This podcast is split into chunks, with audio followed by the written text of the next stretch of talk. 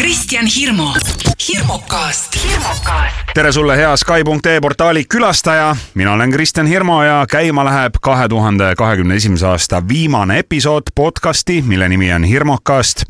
hirmukasti leiad sa ka Spotify'st ja SoundCloud'ist, ikka nendes kohtades, kus inimesed armastavad neid podcast'e kuulata.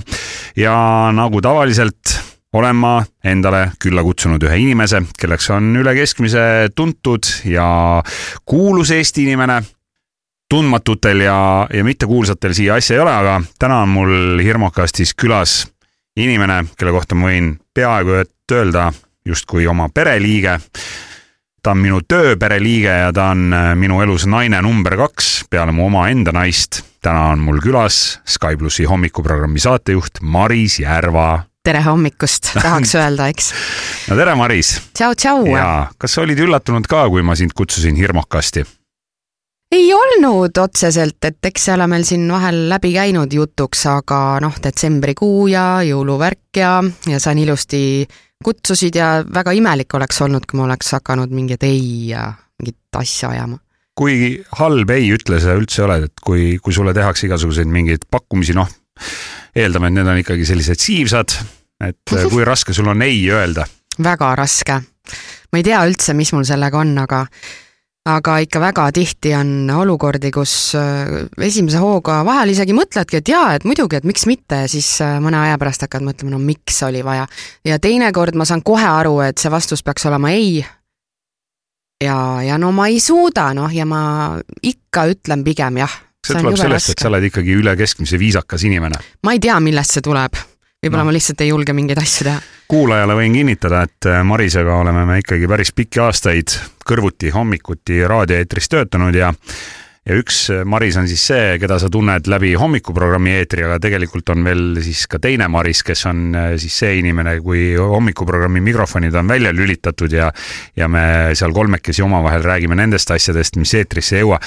tegelikult ega need Marised väga palju erinevad ei ole. ma just tahtsingi öelda, et ma arvan, et need ei ole väga palju erinevad. no nad ei ole väga palju erinevad, kuigi mingeid väikseid selliseid nüansse ikkagi võiks leida, et, et milline on see eetri Maris ja milline on päris Maris.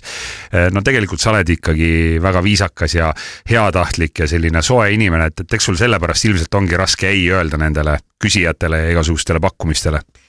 Ma ei tea, ma ei, ma ei oska niimoodi öelda, aga no ma arvan, kõigil on sellega probleeme, ega see ei tule kellelgi kergelt, see, see ei ütlemine, et äh, inimesed, kes on saanud juba natuke vanemaks, nemad on selle ära õppinud ja teevad seda juba teadlikult ja, ja oskavad seda kunsti paremini no raadiojuttu me saame ka täna kindlasti rääkida, sellepärast et meil on ikkagi üks väga suur ühine asi, mida me ajame, see on Sky plussi hommikuprogramm ja eh, miks ma Marisega hirmukasti kutsusin, põhjus oligi see, et, et tegelikult eh, Kivisaarega on ju eh, hirmukasti episood salvestatud ja ma mõtlesin, et, et kuidas siis, kuidas siis niimoodi aasta lõpeb ära, et, et Maris ei ole siin käinud. aga sul on ju tegelikult ikkagi selja taga või noh, ütleme selja taga, et sa oled praegu oma parimas vormis ja, ja künnad seda meelelahutuspõldu. aga tegelikult sa oled meelelahutusega ju maast madalast tegelenud. alates sellest, kui ilmselt ema võttis sind käe kõrvale ja viis kuhugi laulutundi mm. -hmm. oli see nii, eks? Äh, ema ei võtnud, aga. kes võttis, isa võttis? Eve Viilup võttis aga kuidas, kaaperdas sind kuskilt või? kaaperdaski jah, ma mängisin Eve tütrega Teelega liivakastis, Teele oli siis kaks ja mina olin kolm ja me elasime Lasnamäel vastasmajades. ja seal said meie emad, ehk siis minu ema ja Eve Viilup omavahel tuttavaks ja kuna Eve hakkas seda lauluasja vaikselt seal telemajas ajama, siis nii see ühel hetkel läks jah, et tõesti, tema võttis minu ja Teele ja, ja viis meid siis kõigepealt Ave Kumpase juurde, millest see hiljem juba arenes siis selleks Eesti Televisiooni tütarlaste kooriks, kuidas me seda täna tunneme Eesti Televisiooni tütarlaste koor, seal ju tegelikult äh, lõid kaasa omal ajal tänaseks ka päris artistideks saanud Lenna Kuurma ja mm, -hmm. ja kellega sa veel koos laulsid seal, Nele-Liis no, Vaiksoo? kõik olid seal. kõik olid seal? no Nele-Liis, Lenna, Hanna Pruuli, Maarja-Liis Ilus, Hanna-Liina Võsa mm -hmm. ja seal on ka nüüd äh, teiste elualade tuntumaid äh, tegelasi, näiteks viiuldaja Hanna-Liis Nahkur on, on ka väga paljudele ikkagi tuttav. aga neid nimesid tead, ma arvan, et seal oli neid veel. jaa, aga ikkagi päris suur osa neist ja. on äh, oma edasise elu ka sidunud muusikaga mm. -hmm Neist on saanud noh, Lenna On. võtame professionaalne artist ikkagi, laulja, solist. meil on seal ka ooperilauljaid tegelikult tulnud, kes No on vot. suurtel maailmalavadel No ilma teinud. aga mis siis sinul, Mis minuga juhtus? mis Mis valesti läks? miks, miks sinust ei saanud suurt ooperistaari? ma ei tea, ma kunagi ei ole nii mõelnud, et äh, et jah, tõesti, terve elu ju oled laulnud, aga ma kunagi ei ole nii mõelnud, et minust peaks nüüd mingisugune laulja saama, et siin on olnud mingisuguseid episoode, kus see võib-olla oleks võinud nii minna, aga aga need ei läinud nii ja ja siis ühel hetkel ma tundsin, et et nüüd on kõik. et muud huvid tulid peale? jah, kuidagi läbi sai see etapp. ja, ja, aga see etapp oli vist päris äge, no me oleme tegelikult võib-olla väga põgusalt ka nendes lugematutes Sky plussi hommikuprogrammides rääkinud sinu laululapse ajast ja, ja sa oled ise ka põgusalt rääkinud, et et see tähendas ju vägevaid reise ja esinemisi mm. -hmm. ja, ja noh, aastad olid siis üheksakümmend midagi, eks ju Jah. et tegelikult väga paljud eestimaalased ei olnud ju, ma ei tea, noh, kes oli Soomes käinud, sellel oli juba päris hästi, aga te reisisite selle kooriga ikka mööda maailma, et on sul mõni selline eredam mälestus ka, et, et kus te käisite? oh, neid eredaid mälestusi on väga palju, aga jaa, tõesti, meil hakkas see hästi varakult pihta, äkki ma olin viis, kui ma läksin siis esimest korda Soome ja tänu sellele sai Soome ka minu ema. Ja ma tean, et see oli ema jaoks mingi väga suur asi ja, ja mis seal oli ja mis nende rahadega sellel ajal olid, sest raha ju ei olnud ju inimestel eriti ja ja kuidas me ühes peres ööbisime ja kuidas seal siis see pereisa, ühesõnaga mingid, mingid rahaepisoodid ma nagu mäletan, et seal seal olid, aga sealt edasi siis jah, no Soomega sai see kõik alguse ikka. Soome on Soome ütleme hea selline- hea platvorm, kus teha järgmiseid hüppeid, eks ju. jah, sealt äh, Soomes me käisime ikkagi iga aasta mitu korda kuni lõpuni välja, aga kõige kaugem koht on ikkagi Ameerika. USA. jah, jah, ja siis mingid Euroopa riigid, ja, eks ju. ja, ja jah, aga mis reisid need olid või mis esinemised või, või mis asjad need olid, kus te käisite üldse? üldiselt oli mingi kutse kuhugi festivalile ja siis üldiselt me läksime sinna nädalaks ajaks. Nagu sa ise tead, festivalid, eks. sinna ei Et ole mõtet lühemaks mingi- ajaks minnagi. et ühe päeva üritused need ei ole, et äh, lõpuks see siis kulmineerub kõige selle suure konkursiga. ja, ja siis me seal niimoodi käisime ja Eve Viilup oli meiega alati kaasas ja tema hoolitses selle eest, et kogu see reis oleks reisi väärt, et see ei piirduks siis ainult selle selle konkursi osaga, vaid ikka me näeksime seda maad ka ja käiksime seal põnevamad kohad läbi. festivalid, konkursid, need olid siis äh, taolised, et olidki sellised mingid teiesugused kollektiivid üle maailma kogunesid kokku, võistlesid seal omavahel, esinesid, keegi andis Jaa. mingeid punkte ja hindeid ja jah, just. See on hästi huvitav, et äh, mõtled küll, et noh, festival, et no mis festivale meil siin olla saab, aga põhimõtteliselt on siis maailmas olemas isegi sellised tütarlaste kooride aa, festivalid. loomulikult On ja ja suured, no eks need peamiselt on ikkagi sellised koorikonkursid, aga, aga oli ka neid jah, kus otseselt ei olnud midagi võidu peale, vaid lihtsalt, lihtsalt mingi festival. Mm -hmm. aga mis need auhinnad olid tollel ajal ka, mäletad? ma tean, et mingid Grand Prix ja Grand Prix ja esimene koht, esimene koht meil seal kogu aeg Dirigent sai käis, aga või? eks dirigent äh, teab paremini nendele küsimustele vastata, jah. aga lauljatele ka pudenes midagi, saite ei. mingeid kuudipääge või, või mingeid, mingeid, ma ei tea, mingeid meeneid või nänni või midagi no taolist? nii ja naa, eks mingid kuudipärgid ikka kuskilt vahel tulid, aga ei otseselt sellega meile midagi sellist ei kaasnenud, aga see reis ise oli juba meie jaoks see, mille pärast sinna minna. ja siis sa ju tegelikult eh, nii-öelda poole kohaga töötasid ka Eesti Televisioonis, sellepärast et kui oli televisioonis mingi laulukarussell või, või, või mingi muu asi, siis teid aeti ju jälle sinna laulma, eks ju? jaa, no Laulukarussell, see oli iga-aastane jah, ja see kestis ka väga palju aastaid. aga seal te ei võistelnud, ega mm -mm,? seal me olime taustalauljad Back, backilauljad? ja see tähendas siis seda alati, et kui Laulukarussell sai läbi, selgitati välja võitjad, võitjatele oli alati auhinnareis erinevate vanusegrupi võitjatele ja siis äh, meie saime alati sinna reisile kaasa. ja see oli siis lihtsalt selline tore, tore reis tavaliselt. aga see on jah kummaline, see minu jaoks hästi veider, et kuidas äh, need inimesed, kes olid siis noh, ma pakun siis sama vanad kui mina, teised lapsed, kes vaatasid neid laulukarusselle, et nad sealt taustanägudest, nad on salvestanud mingisugused näod sina oled üks? mina olen üks neist näiteks ja ma olen puutunud kokku kohvikus näiteks sama selle sõbranna sama Teelega. Läksime kohvikusse ja teenindaja leti taga ütleb oi, kas te olete need sealt laulukarusselli koorist, et appi, ma vaatasin teid kogu aeg, vot sellised asjad tänasel päeval nagu võtavad mul karbi lahti. ja see oli ju mingi noh, sada aastat tagasi. jah, piltlikult öeldes sada aastat tagasi ikkagi no sellised äh, äratundmised ja, ja sellised märkamised, kuidas need tänapäeval siis sulle tunduvad, meeldivad nad sulle endiselt?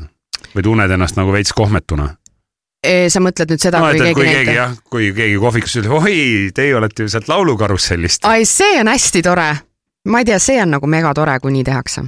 aga kas äh, vahepeal see tuntus nagu häirib ka või? ei ole ju äh, sellist tuntust esiteks, et äh, sa tead ise, kuidas on raadioinimestele, et nemad saavad ikka väga rahulikult oma elu elada. jaa, aga sa televisiooni peale ei ole mõelnud?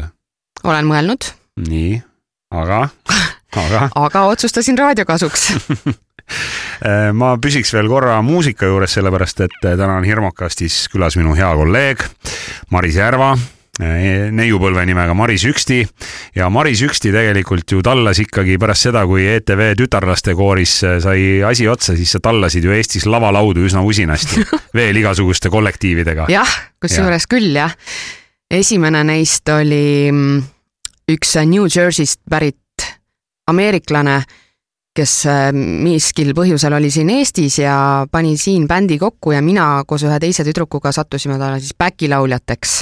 Mhm, mis bänd see oli siis? see oli The Drivers oli selle bändi nimi ja see tegi no niisugust, nagu me teame, nii-öelda laevamuusikat, et kõik sülti. sülti jah, neid inglisekeelseid, kõiki neid Knock Knock, Heaven Story ja, ja kõik need laulud. Sul oli siis juba mingi mänedžer või, või kuidas sa sinna bändi jõudsid või?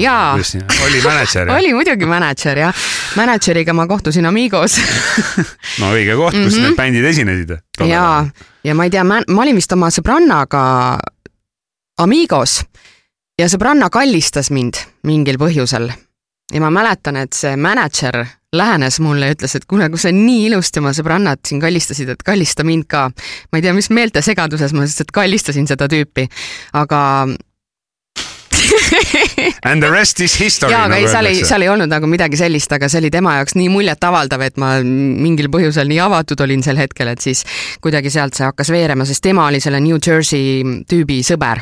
ei no ööklubis on ikka inimesed sellises avatud meeleolus tihtilugu ja, ja, jah, ja eks ööklubis võib juhtuda nii mõndagi, mina näiteks leidsin isegi oma naise ööklubist no vot, Nonii, oli siis äh, New Jersey tüübiga tehtud bänd, aga mm. -hmm. see ei, see ei jõudnud vist kuhugi edetabelitesse, see oli rohkem Ei. siuke kõrtsibänd. ja, ja, ja, jah, ja. tegite tööd ikka ja käisite esinemas ja laulmas ja jaa, täitsa nii, aga lõpuks läksime laiali sellepärast, et seesama manager, kes meil oli, tema oli juut ja siis seal tekkisid mingisugused äh, rahaasjad seal teiste tüüpidega no, ja mingi, ma ei tea, mingid mõttetud kammajääd, aga ühesõnaga jah, siis, siis need suhted aga te katkesid. ei mänginud kuskil laevas, et see oli ikkagi nii-öelda maapealne töö või?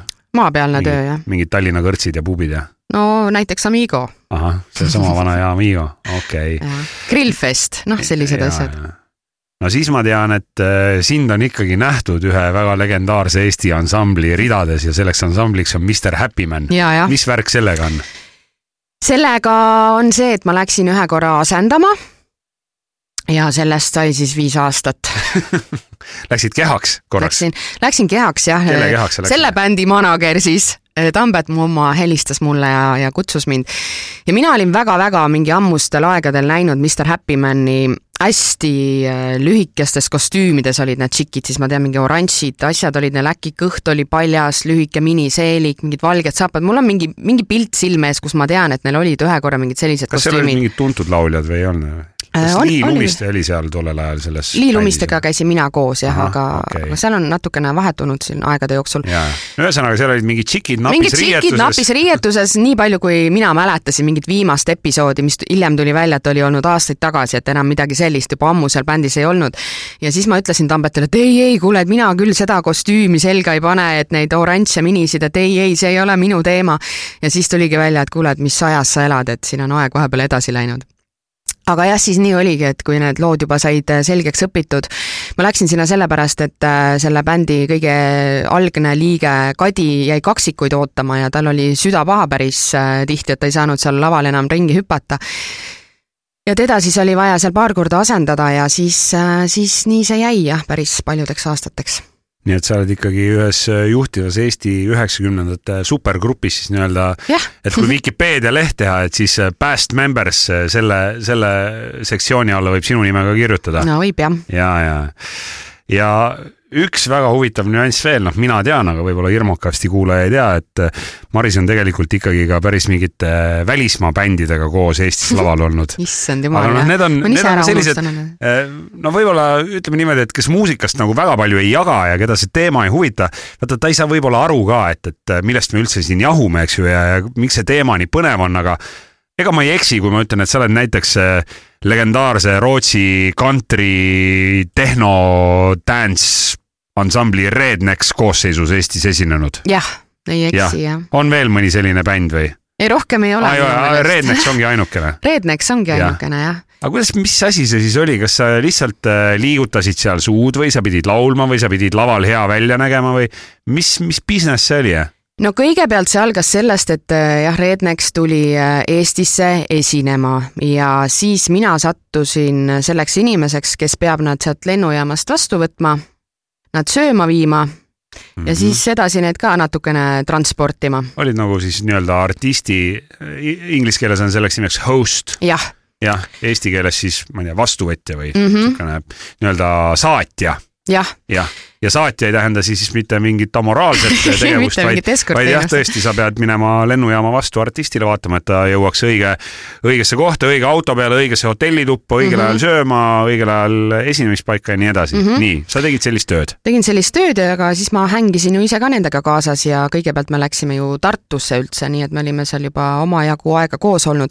aga läks nii, et see bänd saabus ilma naisliikmeta noh, ei saanud lihtsalt tulla, ma ei, ei mäleta, mis okay. iganes seal oli, igal juhul see naine ei saanud tulla.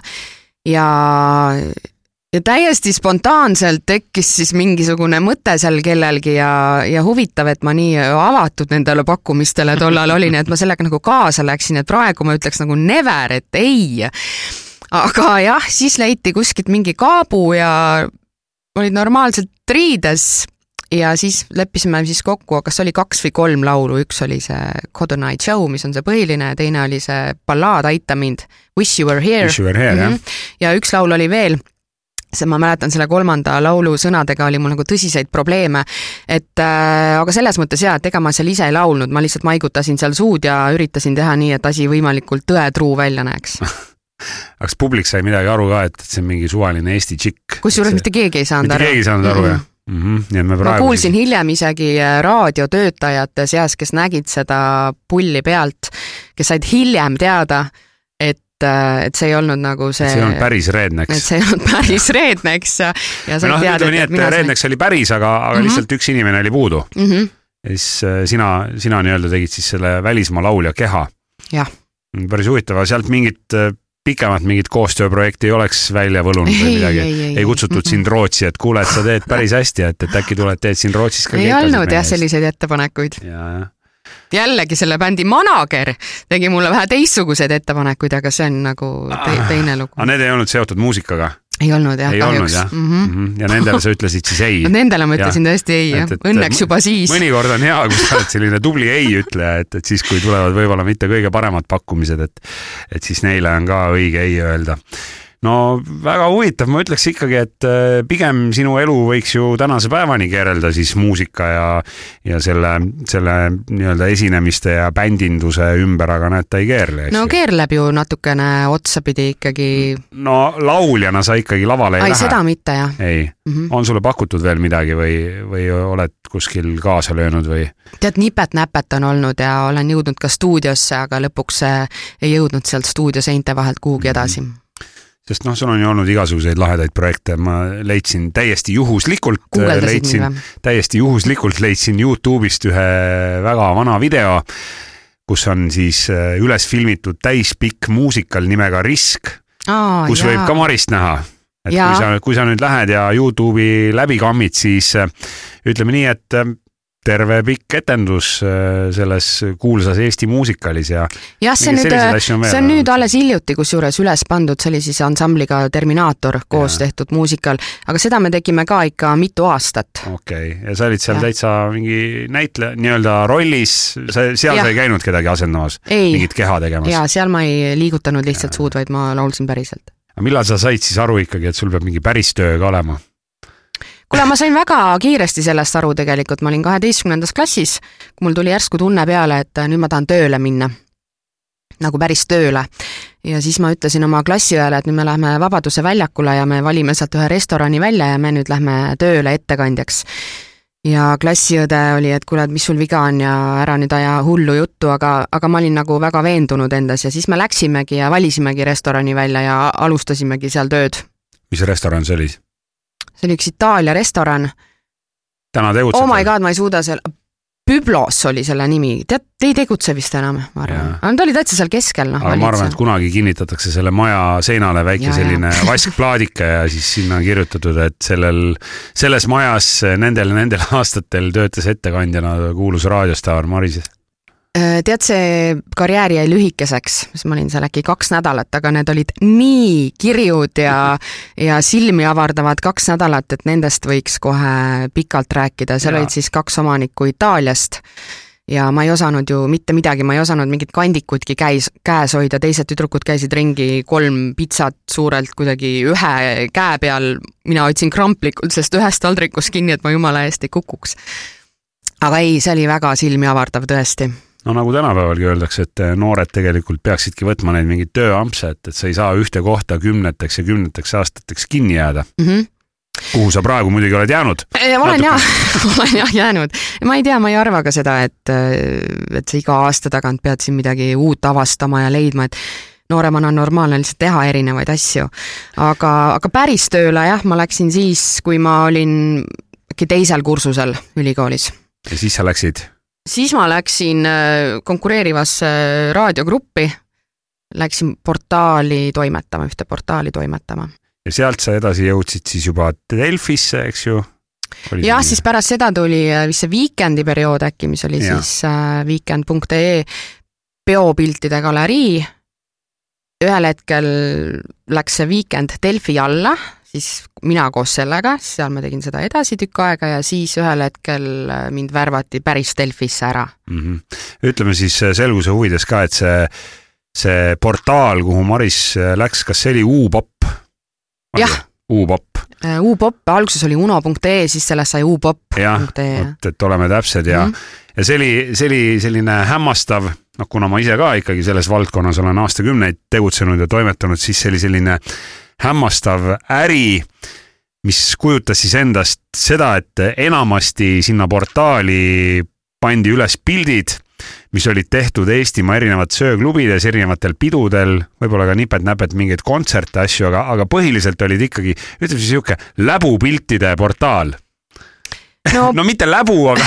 nojah, no, no põhimõtteliselt jah, ööklubis pildistamine, siis äh, järsku hakkas tuure üles võtma ja alguses seal käidi ju täiesti tavalise fotoaparaadiga üldse, lasti neid veel välja ja skänniti sisse, kuni siis läks juba, siis hakkasid juba tulema paremad kaamerad, et sai nagu digitaalselt okay. seda asja päris, ajada. päris nii-öelda, päris filmi peale on ka neid ööklubi kuule, kõige alguse omad tehti sinna peale jah ja., aga siis sealt ta läks edasi, aga siis ei olnud vaata igalühel äh, mobiiltelefoni taskus, tähendab, siis ei olnudki veel neid taskus eriti kellelgi Te. Telefonid olid, aga need ei pildistanud. jah, just, tähendab jah ja,, väga õige ja, ja aga seal sai ka jah, palju nalja, kui iga nädal ikka potsatas postkasti kiri inimeselt, kes palus, et võtke nüüd see pilt palun maha ja aga mis need põhjendused olid siis põhiliselt? no põhjendused olid need, et ma ütlesin oma, ma ei tea, naisele, et ma olen täna kodus aga siis tuleb välja, et ta läks hoopis ööklubisse ja jäi seal mingi vale naisega pildi peale, no neid oli hästi palju, et ma mõtlesin ühe korra, et teeks sellise vimka, et koguks kokku need pildid kõik, kes on siis mingite valede inimestega valel ajal sinna peale jäänud, et okei okay,, ma võtan need sealt galeriist maha,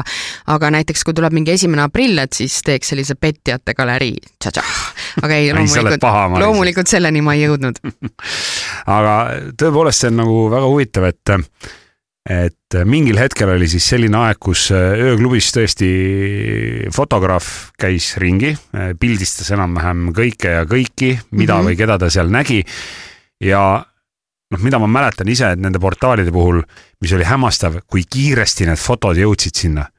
eelmisel õhtul oli pidu, järgmine hommik sa võisid juba neid pilte vaadata jaa, aga tead, kõik ootasid neid ja sellel pole mingit pointi, kui sa venitad sellega mingi nädal aega, vaid see oligi kohe, kõik tahtsid näha, sest mhm. üldiselt inimesed tahtsid neid pilte, sest hiljem ju lisandus meil ka see funktsioon, et sa saad osta endale selle pildi.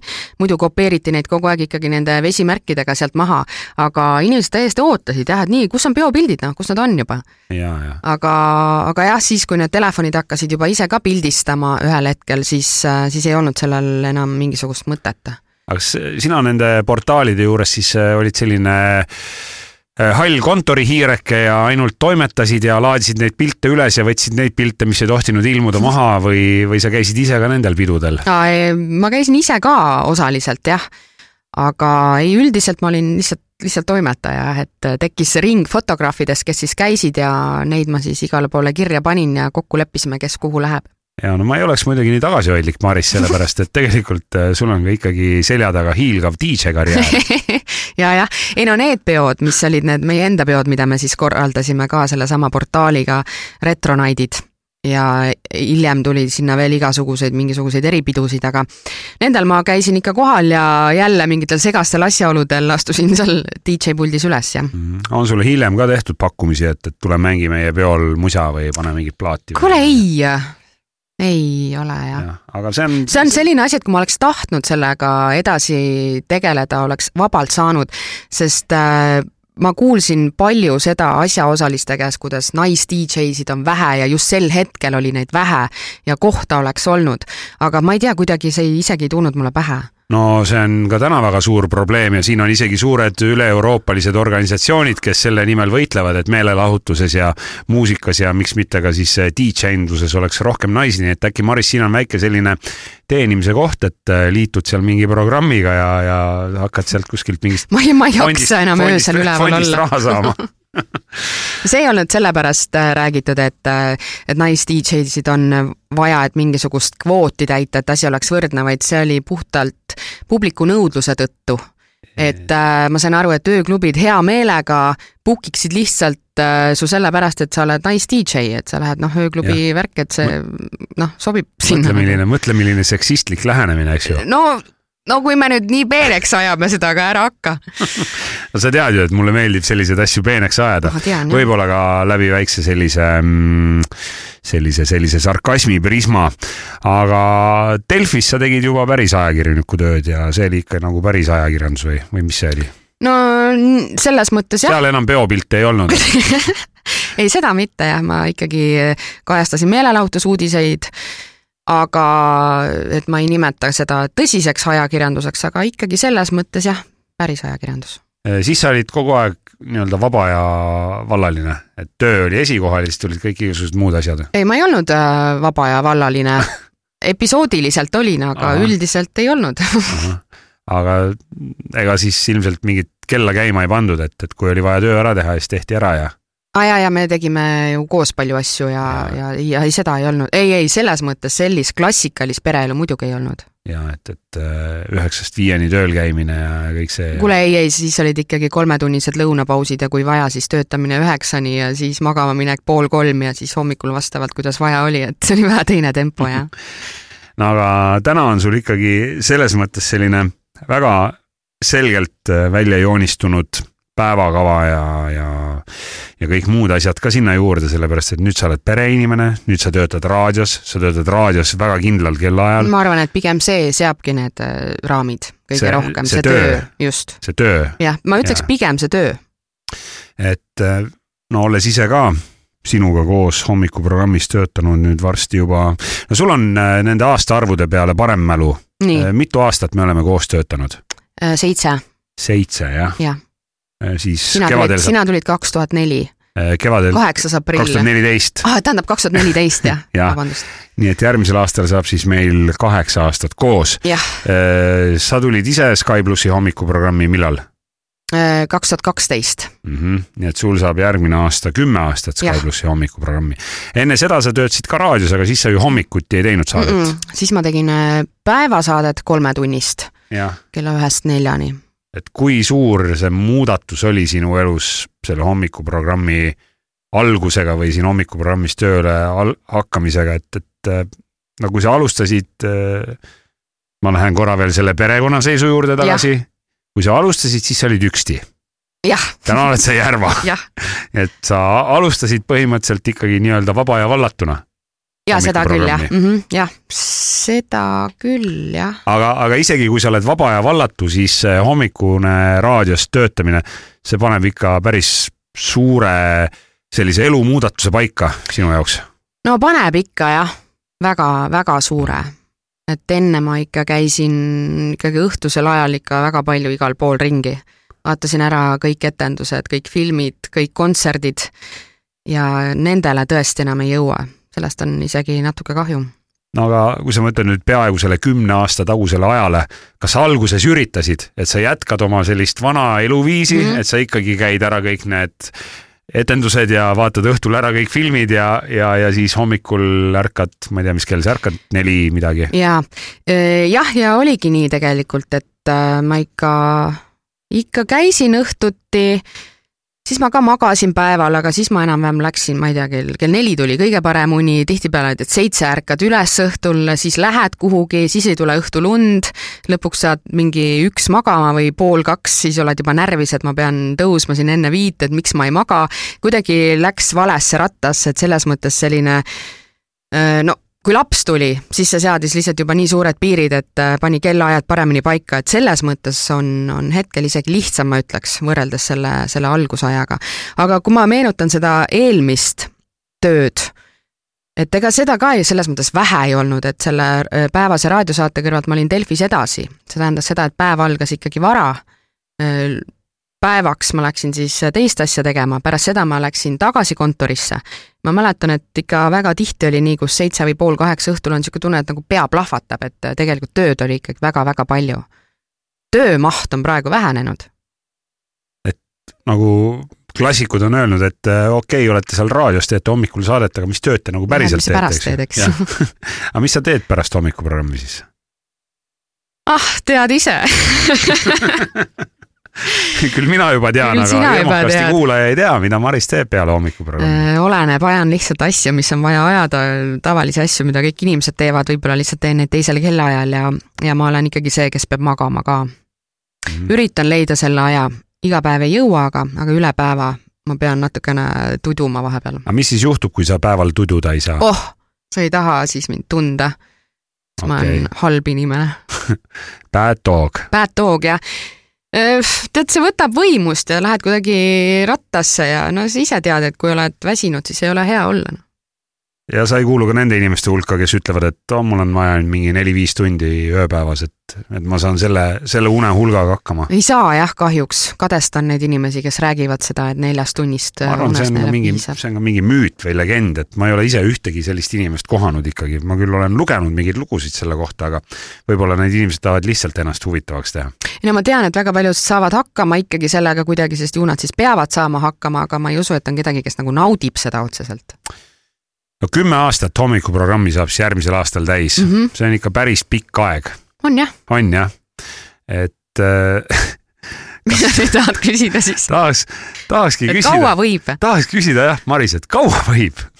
hea võib? küsimus. tõesti, kaua võib? hea küsimus no.. ma, ma ei tea, ma ei, ma ei oska öelda ma ei tea aga tegelikult on see ikkagi raske töö, sellepärast et noh, see võib tunduda selline hommikune tilulilu ja viskame seal nalja ja, ja oleme eetris ja, ja kõik kuidagi iseenesest läheb, aga, aga tegelikult sa ju ikkagi kogu aeg äh, mõtled pingsalt, mida sa suust välja, et päris lõdvaks ei saa ennast kunagi lasta mm. -hmm. ma arvan, et, et see ongi võib-olla asi, mida, mida paljud ei saa aru, et, et see, et äh, iga päev neli tundi otse-eetrit, see ikkagi ta on selles mõttes ikkagi nagu esinemine, et sa võtad ennast teistmoodi kokku, sa pead kogu aeg iga hetk olema seal olemas ja valves, et see ei ole seesama, et aa, mis asja, et ma ka hommikul kell kuus juba tõusen ja et noh, umbes, et ma ju ärkasin enam-vähem samal ajal, see on natuke teine asi, kas sa tiksud sellises äh, mugavamas ma ei tea, mingis rütmis, lihtsalt seal vaikselt sirutad varvast ja, ja ärkad ja siis hakkad tegema äh, toimetusi, et lapsed kooli saaksid, või siis see, et äh, sa pead ennast lihtsalt kok-, konkreetselt kokku võtma, et, et ma, see, see tegelikult on jah väsitav meil ei ole ka üldjuhul Sky plussi hommikuprogrammis nii-öelda tekstid ette kirjutatud, et see kõik, mis tuleb, on selline spontaanne ja sünnib, sünnib seal, seal, kus ta sünnib, nüüd ja, ja kohe, siin ja praegu. jah, aga ma ei arva, et vastupidi oleks kuidagi kergem. kui tekstid oleksid ees, siis tõenäoliselt lisanduks juba mingisugune pilt ja see on juba omakorda võib-olla ikkagi raskem. sa ütlesid väga hästi, et et noh, võrreldes nende inimestega, kes hommikul samamoodi vara ärkavad, aga neil on nagu teistsugused toimetused, et lapsed on vaja kooli saata ja kuidas äh, sinu laps noh, kooli ta läheb järgmisel aastal, aga, aga kuidas ta, kuidas ta hakkab kooli saama või kuidas ta praegu lasteaeda saab? lasteaeda viib teda isa. meil on niimoodi siis ära jagatud, et isa on võtnud enda peale hommikud ja mina õhtud. Äh, hommikuprogrammi kõnepruuki kasutades siis härra, Marise abikaasa, kes on ka ikkagi aeg-ajalt äh, libisenud läbi hommikuprogrammist. küsin korra lihtsalt siin hirmukastis ka, et kuidas härra suhtub sellesse, et temast aeg-ajalt juttu tuleb? temast tuleb muidugi vähem juttu kui näiteks minu või Kivisaare naisest, kes äh, võib-olla rohkem läbi käivad meie programmist. vist küll jah, praegusel hetkel küll. tal on okei okay ei ole nagu teemat. et ei Sellega. ole, et keegi kuskil töö juures midagi ütleb, et kuule, ma kuulsin hommikul raadiost sinu kohta räägiti või? aa, ei on ikka, ei muidugi on, on ja, ja, ja et need asjad jõuavad äh, ikkagi alati temani, kui temast on räägitud või, või mingitest asjadest, mis äh,, mis meie elu puudutab. aga mingit suurt pahandust ei ole olnud sellel teemal? ei, ühtegi pahandust ei ole olnud. okei okay sul on ikka supermees siis järelikult. teda nagu väga ei huvita selles mõttes jah, et ta ei tee suurt numbrit sellest. aga ma mõtlen seda ka, et, et äh, järelikult äh, peab ta olema tõesti väga hea mees, kui ta hommikul kas ta ranib siis nii-öelda kõik seal äh, nullist pihta, ajab lapse üles, paneb ta riidesse, annab süüa, kontrollib, et kõik õiged asjad oleks kaasas või, või teed sina selle eelmisel õhtul juba enne valmis ära? No vot see asjade osa nüüd küll, et siin, siin ei saa talle seda lipukest anda, et. see on väga huvitav, miks isad ei saa sellega hakkama, ma tahaks ise ka seda teada, ma tahaks ka teinekord, aga, aga ma juba eost tean, et ma kindlasti, ma, ma võin üheksakümmend üheksa protsenti nagu asjadest saada korda ja paika ja kõik kaasa panna, aga midagi ikka läheb meelest. kuidas emadel see asi meelest ei lähe? Siin on mingi meeste ja naiste mingi üldine erinevus, ma arvan. et äh, jah, nii naiivne ma ei ole, et seda, seda osa nende kahe peale usaldada. Ja selle eest ma hoolitsen igal õhtul ise. Okay.. et need asjad ja riided ja midagi sellist, et muidu äh, noh, vahel on olnud olukordi, kus äh, laps siis ise otsustab, et äh, ta ei pane neid riideid, mis ma talle valmis olen pannud ja ta valib endale ise midagi ja siis tihtipeale ma päeva jooksul pannakse meil vahel Facebooki sinna oma kuhugi gruppi, kasvatajad siis panevad üles mõned pildid, siis ma vahel vaatan, et ohoo, ohoo, mis, mis täna siis on valitud endale selga ja muud sellist. aga, aga jah, ühesõnaga, selle töö ma teen igal õhtul ära. see on niisugune paras äh, paras ajugümnastika ikkagi, et sul peab olema nii-öelda, sa pead kogu aeg mõtlema mingi paar sammu ette.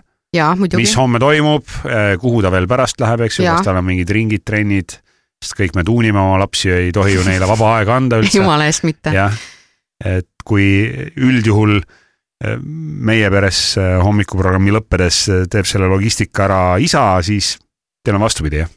sina teed seda kõike, kogu seda logistikat ja, ja lapse vedamist ja? alates päevast ja siis kaasa arvatud õhtu, jah. no järgmisel aastal läheb laps kooli. oh, ma ei kujuta ette, mis siis saab, sest praegu on ikkagi äh, kui on äh, tervis korras, siis on selles mõttes ju lihtne, et lasteaiapäev lõpeb seal viie paiku, eks.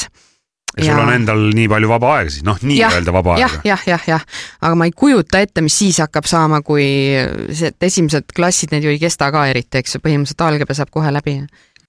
no eks siis näis. eks näis jah, no võin siin kuulajale lihtsalt öelda, et Maris võtab seda asja tegelikult meie hommikuprogrammi paralleelprogrammis, mis on nii-öelda siis see osa hommikuprogrammist, kui meie mikrofonid Sky plussis on välja lülitatud, siis me räägime ka igasugustel erinevatel teemadel ja, ja arutame oma asju ja, ja noh, tegelikult Marisel on nagu hiigel kogum informatsiooni, millele mitte keegi teine ligi ei pääse, mis puudutab siis näiteks mind või Alari Kivisaart, eks ju?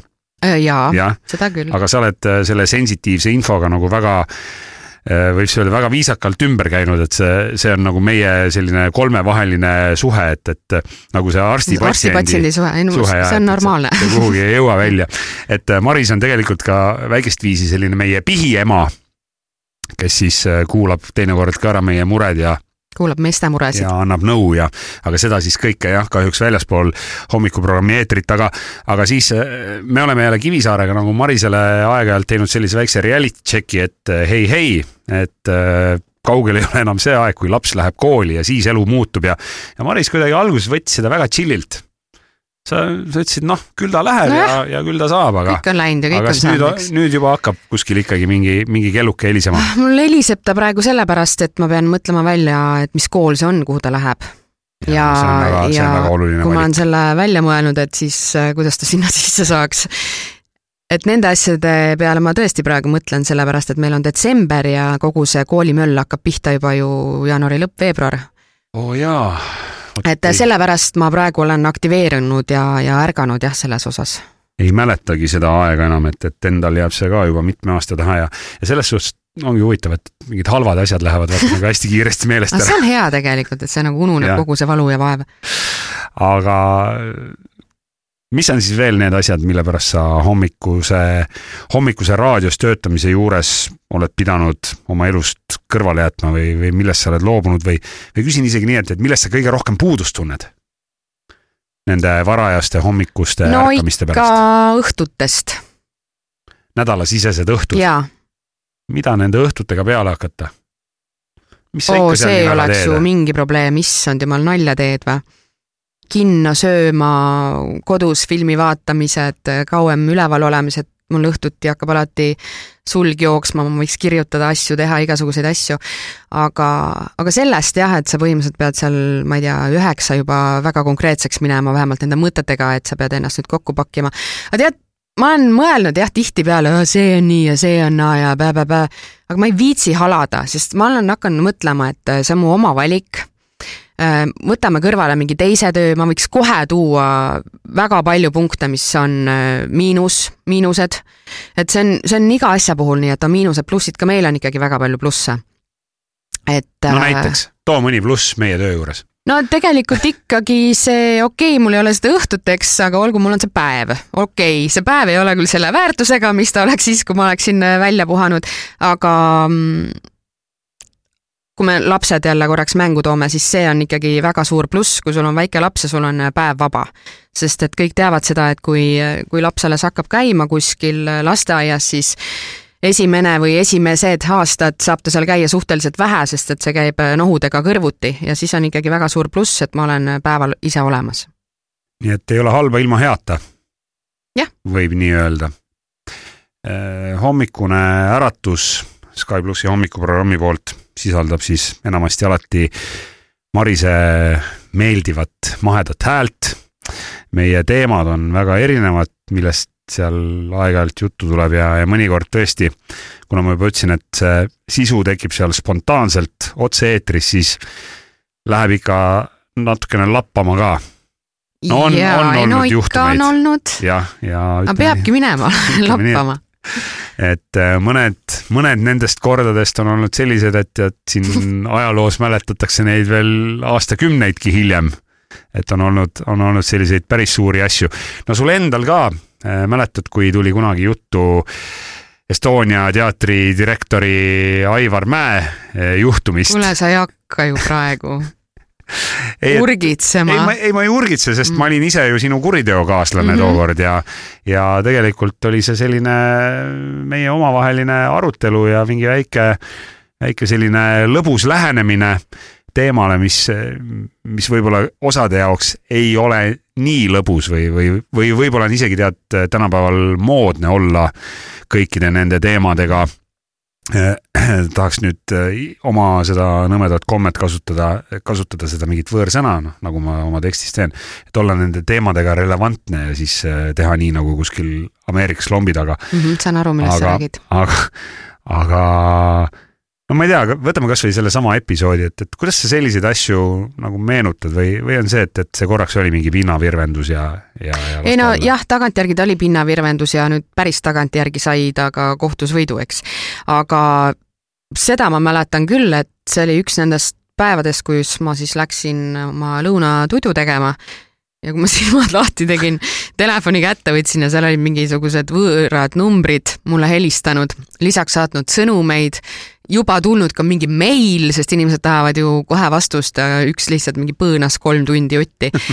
et siis Täiesti ma, jaa, täiesti muretult magasin, nägin mingeid ilusaid unenägusid ja ja siis see esimene hetk oli küll see, et oot-oot-oot-oot-oot-oot, mis nüüd nagu lahti on ja siis hakkad mõtlema, oota, mida ma ütlesin üldse ja ja kas ma ütlesin midagi valesti ja siis ma hakkan ise uuesti kuulama ja järgi kerima ja et mis seal siis nüüd toimus ja ja siis läks ilgeks äh, kommunikatsiooniks äh, järsku, et sa pidid kuskil mingeid vastuseid andma, et see oli korraks nagu veider, aga siis, kui ma samal õhtul, noh, kui see oli siis ilmunud juba kuskil portaalides, eh, samal õhtul või järgmisel või ma ei tea, lähiajal läksin ühele sünnipäevale. Ja kuidas mind seal nimetati, kui inimene astus uksest sisse, esi, esišovinist või mis mulle Nais, seal naisšovinist. jah, naisšovinist ja noh, visati nalja selle üle, et, et eks tegelikult ju, kes suudab natukene kaugemale näha, saab ju aru, mis seal tegelikult oli. kes viitsib vaevuda. korra veel eh, tuletaks siis meelde nüüd juba ametist lahkunud presidendi Kersti Kaljulaidi sõnu. Eh, see tsitaat, ma arvan, jääb mind saatma elu lõpuni ja ma kasutan seda alati hea meelega, aga Kersti Kaljulaid kunagi oma kõnes ütles, et igalühel on õigus oma arvamusele ja kuigi ma... mulle tundub, et äh, siin oli väikene klausel ikkagi sees, et kui see arvamus on ühtemoodi. Eh, ei, minu meelest oli just seal see sisu selline, et, et igalühel on õigus oma arvamusele ja siis ma lisaksin sinna juurde hea kolleegi Alari Kivisaare sellise kõrvallause või, või sellise täienduse, et ja mul on võimalik oma arvamust avaldada, sest ma lihtsalt töötan raadios. sa pead midagi ütlema, eks? sa lihtsalt ütlema. pead midagi ütlema, isegi kui sa ei taha mingi asja kohta mitte midagi öelda või sul ei ole midagi öelda, siis sa ikkagi üldiselt pead midagi ütlema. et meile makstakse rääkimise eest.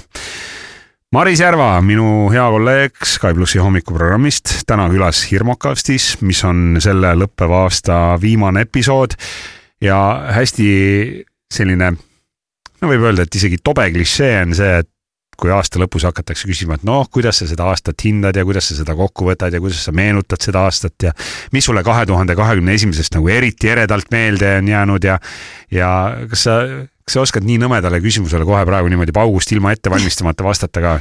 absoluutselt ei oska. ei oska? ma ei ole veel oma mõtetega sealmaal, et äh, nüüd on see aasta läbi saanud ja, ja korra mõelda, et mis see aasta nagu üldse oli ja, ja mis siin juhtus ja mis siin toimus, et et aga ma teen seda kindlasti. oli, oli selline huvitav ja huvitav, huvitav aasta no nagu jah need, viimased aastad siin on olnud. jah, ma arvan, et see jõulude ja aastavahetuse vaheline periood, see on, see on rohkem see hetk, kus hakkab nagu see tunne tulema või kohale jõudma, et nüüd see aastanumber hakkab vahetuma ja siis sa korra mõtled. no jõulud on ka kohe-kohe ukse ees, kui Irmokast eetrisse läheb, siis juba järgmisel nädalal tuleb see punase kuue ja habemega ja mantliga ja mütsi ja kinnaste ja muntside ja prillidega tüüp, kui tuleb, eks ju. avasta kuidas kindlalt., kas teil tuleb jõuluvana teie perele?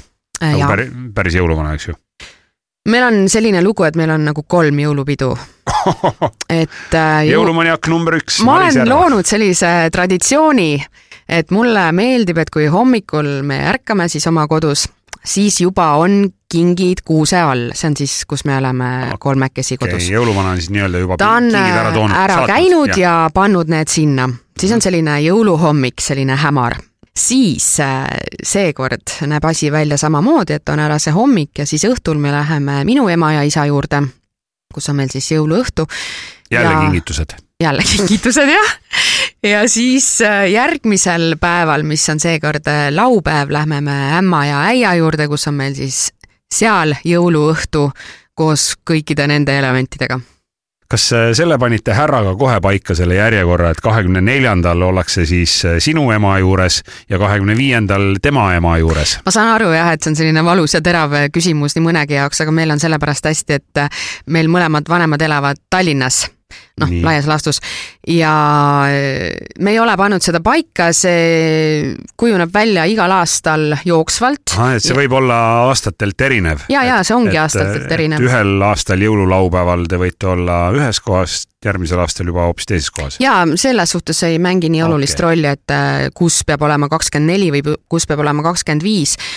vahel on isegi võib-olla juhtunud, et see satub kahekümne kuuenda peale äh, mõne pere puhul, aga äh, seekord on see tingitud puhtalt sellest, et nii minu ema kui isa töötavad graafiku alusel ja neil on kakskümmend neli parem, jah. ja, ja. ja nagu sa ütlesid, siis äh, tegelikult äh, üsna paljudes peredes on sellepärast valatud äh, verd, higi ja pisaraid mm, Mhm, -hmm. et kelle kusjuures juurde on, me nüüd jõulude ajal lähme ja ja eks see on tingitud jah siis sellest, et kui, kui sul on nii-öelda need pered hajali mööda Eestimaad laiali, et, et üks on kuskil Saaremaal ja teine Võrus, et see on väga keeruline, jah.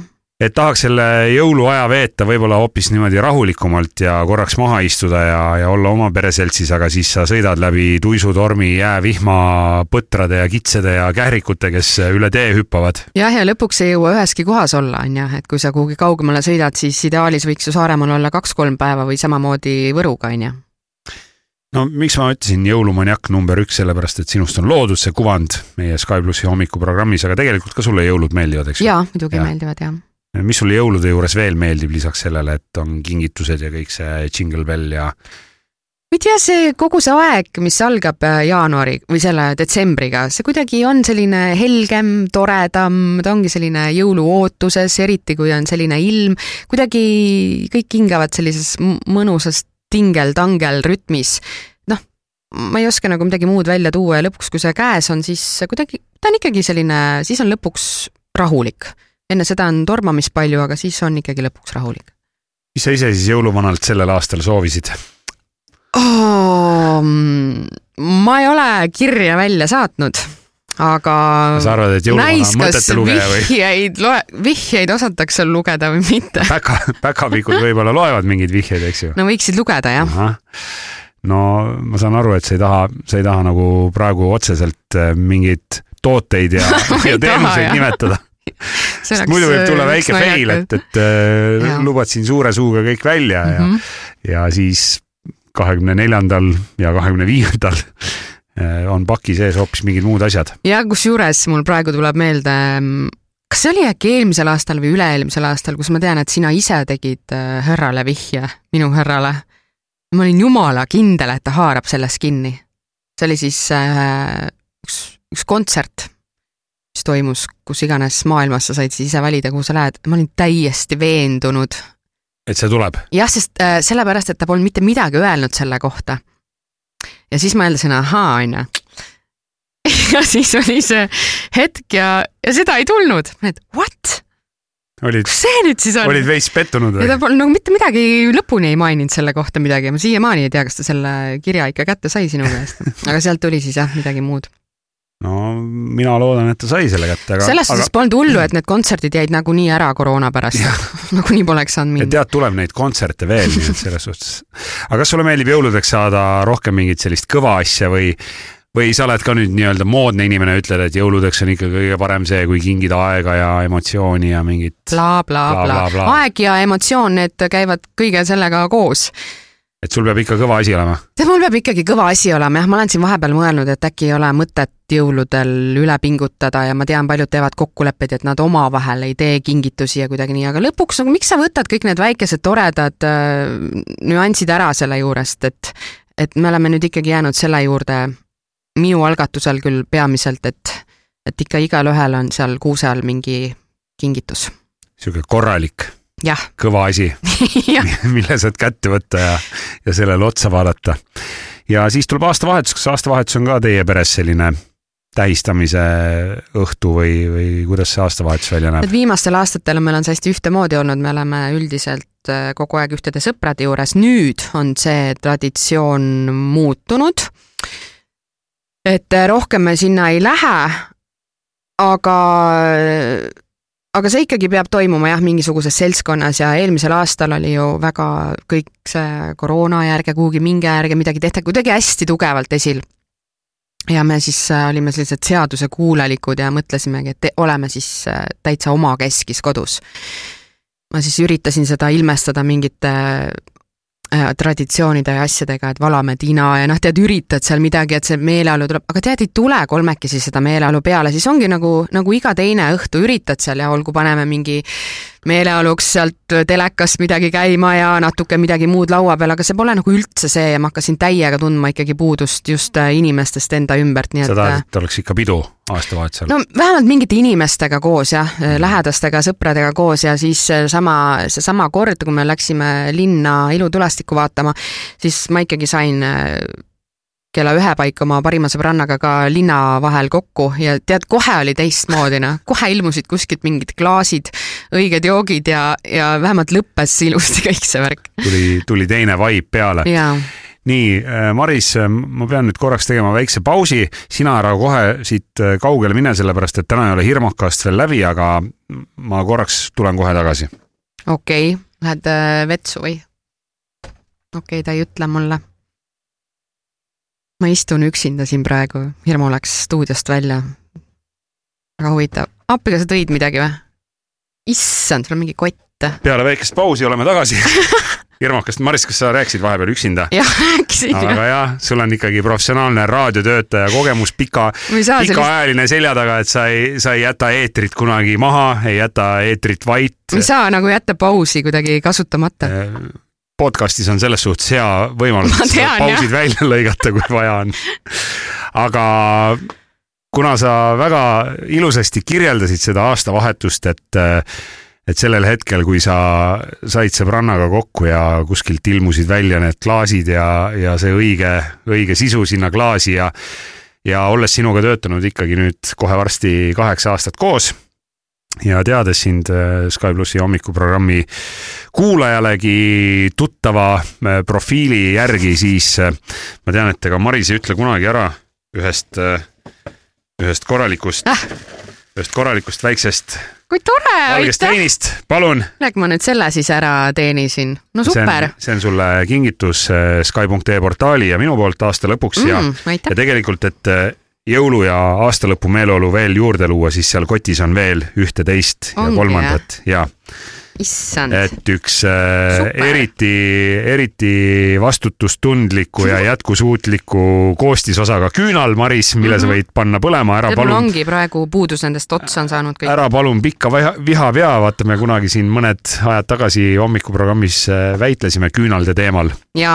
Ja osad kuulajad ei saanudki aru, et, et see oli lihtsalt selline meie vaheline väike eetrikäts või oli seal ikkagi, läks nagu tõsiselt? ei, ei läinud ikkagi. tõsiseks ja, ja see on teema, mille osas ma pean tihtipeale vastuseid andma just alles eile või tähendab siin mõned ajad tagasi meil oli pihitoolis inimene, kes varastab töölt paberit ja mina asusin siis selle inimese kaitseks välja, eks noh, tegelikult ma suures pildis arvangi nii aga ma saan ju ka aru jah, et kui sa kogu aeg pool pakki ära tassid paberit, et noh, et lõpuks ei ole ikkagi väga normaalne väga viisakas selle peale siis minu sõbranna hiljem hakkas rääkima, et kuule, kas sa tead ka, mis kulu see kontorile on, kui, kui mi- mis kulu see paber on ja noh, et umbes mina olin siis selle inimese poolt, kes varastas seda paberit ja siis ma pidin teda küll natuke korrale kutsuma, et kuule, chill rahu, et ma saan aru mõlematest pooltest, et ma vastandusin sellepärast, et oleks vähe põnevam, et äh, kuulaja ka vastandub, eks osad on selle teema poolt, osad on selle teema vastu, et kui ma vähegi tunnen, et ma võiksin siin vastanduda, siis ma lihtsalt kasutan võimalust.